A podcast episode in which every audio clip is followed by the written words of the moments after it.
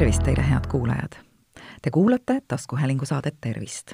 minu nimi on Aive Mõttus, olen Maalehe ajakirjanik ja tervisetoimetaja. paar saadet tagasi rääkisin kopsuvähist ning täna teen taas juttu vähihaigusest, seekord rinnavähist. ning saadet tasuks kuulata mitte ainult naistel, vaid ka meestel, sest rinnavähk paraku tabab ka mehi efektiivne rinnavähi ennetus saab alguse lihtsatest asjadest. Tähtis on nii kodune enesevaatlus kui ka see, et Haigekassa rahastatud sõeluuringul kindlasti osaletaks. Eestis diagnoositakse igal aastal keskmiselt kaheksasada uut rinnavähi juhtumit. ning kuigi tegemist on haigusega, mida paraku ennetada ei saa, on regulaarsel vaatlusel ja kiirel reageerimisel oluline roll rinnavähi varajases avastamises ning sellest paranemises kuna rinnavähi diagnoosi saanutest üks kuni kaks protsenti on mehed, on oluline, et nii naised kui mehed oleksid oma keha suhtes tähelepanelikud ning pöörduksid kahtluse korral kohe rinnatervise kabinetti. oma loo rääkis ajakirjale Tervis pluss viiekümnendates eluaastates Katrin, kelle peale vaadates ei saaks arugi, millest ta läbi on tulnud.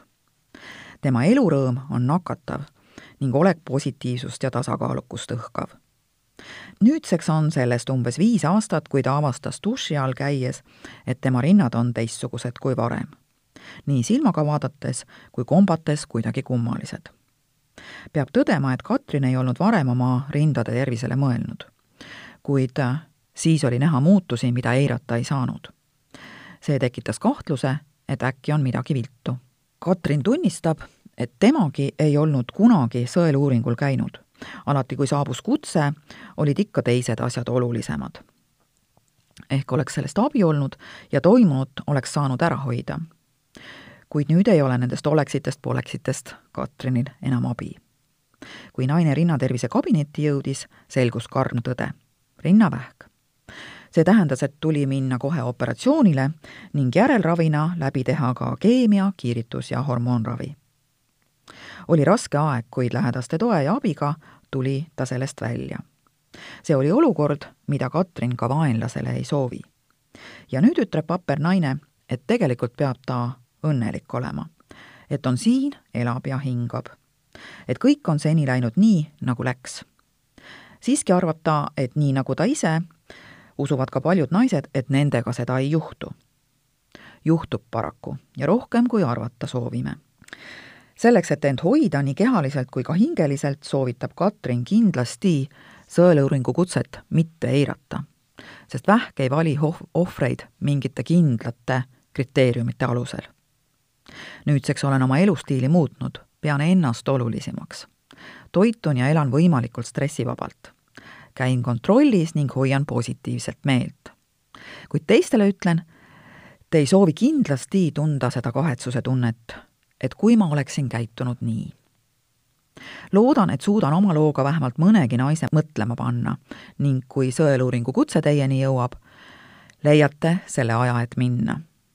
tean, et töö ja muude kohustuste kõrvalt on tihti keeruline enda jaoks aega leida, kuid see aeg tuleb võtta, sest kaalul on teie elu ja tervis Ida-Tallinna Keskhaigla rinnatervise kabinetis patsiente vastu võtva günekoloogi Kaabor Tsirkoo sõnul hakkab rinnavähi sagedus kasvama üldjuhul neljakümnendates ning tipneb viiekümnendates, kuuekümnendates eluaastates.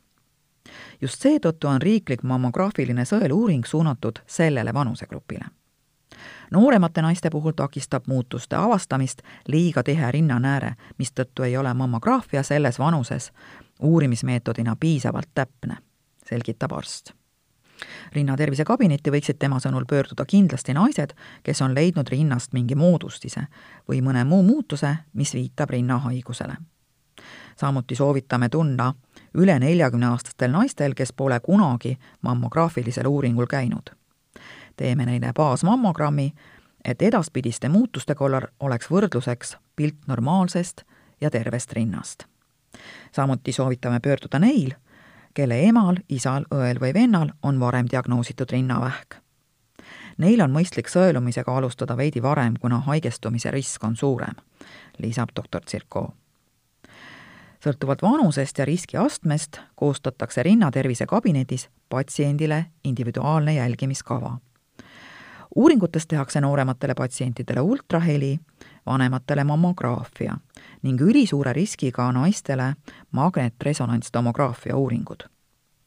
esimesed mammogrammid võiks olla tehtud neljakümnendal eluaastal ning alates viiekümnendast eluaastast soovitame kõigil osaleda rinnavähi sõeluuringus väga tähtis on enesekontrolliga jätkata ka sõeluuringu vanuses, sest rinnavähk võib tekkida kahe uuringu vahel ning uuringu käigus ei pruugi avastada päris kõiki muutusi. Kuidas saavad aga naised oma rindu kontrollida kodustes tingimustes ja kuidas seda teha tuleks?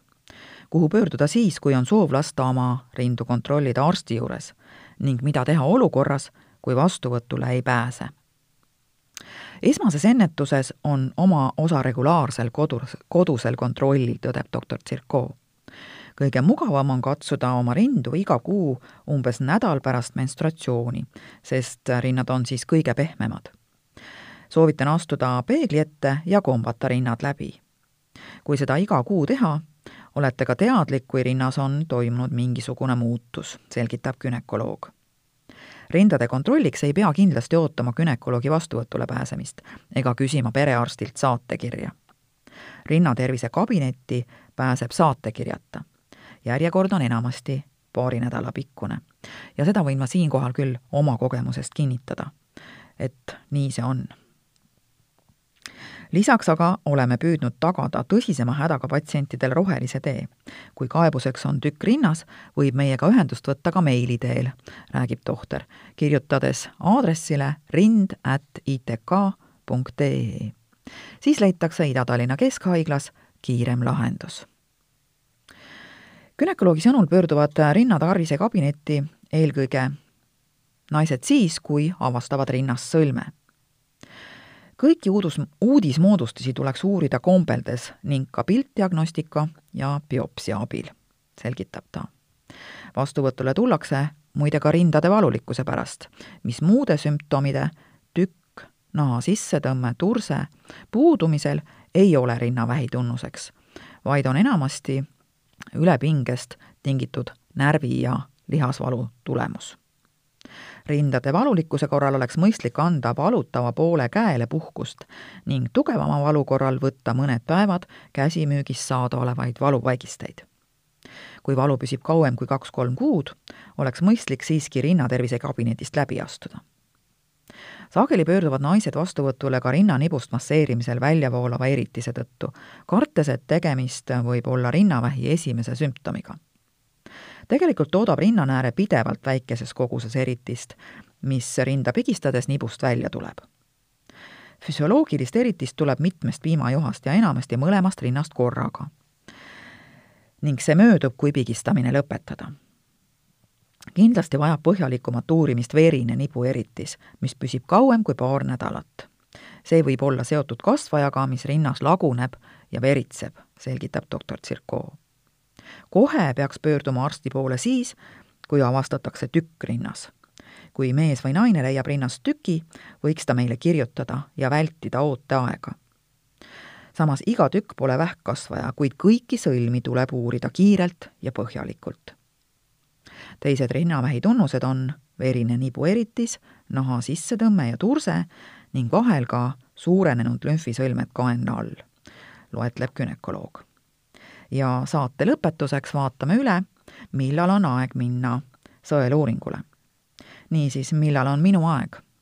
tänavu ehk kahe tuhande kahekümnendal aastal on rinnavähi sõeluuringule oodatud naised, kes on sündinud aastatel tuhat üheksasada viiskümmend kolm, viiskümmend neli, viiskümmend kaheksa, kuuskümmend, kuuskümmend kaks, kuuskümmend neli, kuuskümmend kuus, kuuskümmend kaheksa ja tuhat üheksasada seitsekümmend emakakaelavähi sõeluuringule oodatakse tänavu naisi, kes on sündinud aastatel tuhat üheksasada kuuskümmend viis, seitsekümmend, seitsekümmend viis, kaheksakümmend, kaheksakümmend viis ja tuhat üheksasada üheksakümmend. head kuulajad, te kuulasite taskuhäälingu saadet Tervist! saate leiate Delfi podcastide pesast tasku, nutirakendustes Spotify, Apple Podcasts, SoundCloud ja teised. hakake jälgijaks ja kuulake just teile sobival ajal. ettepanekuid teemade kohta, mida saates käsitleda, ootan teilt e-posti teel aadressil tervist at maaleht punkt ee. minu nimi on Aive Mõttus, olen Maalehe ajakirjanik ja tervisetoimetaja. tervist teile!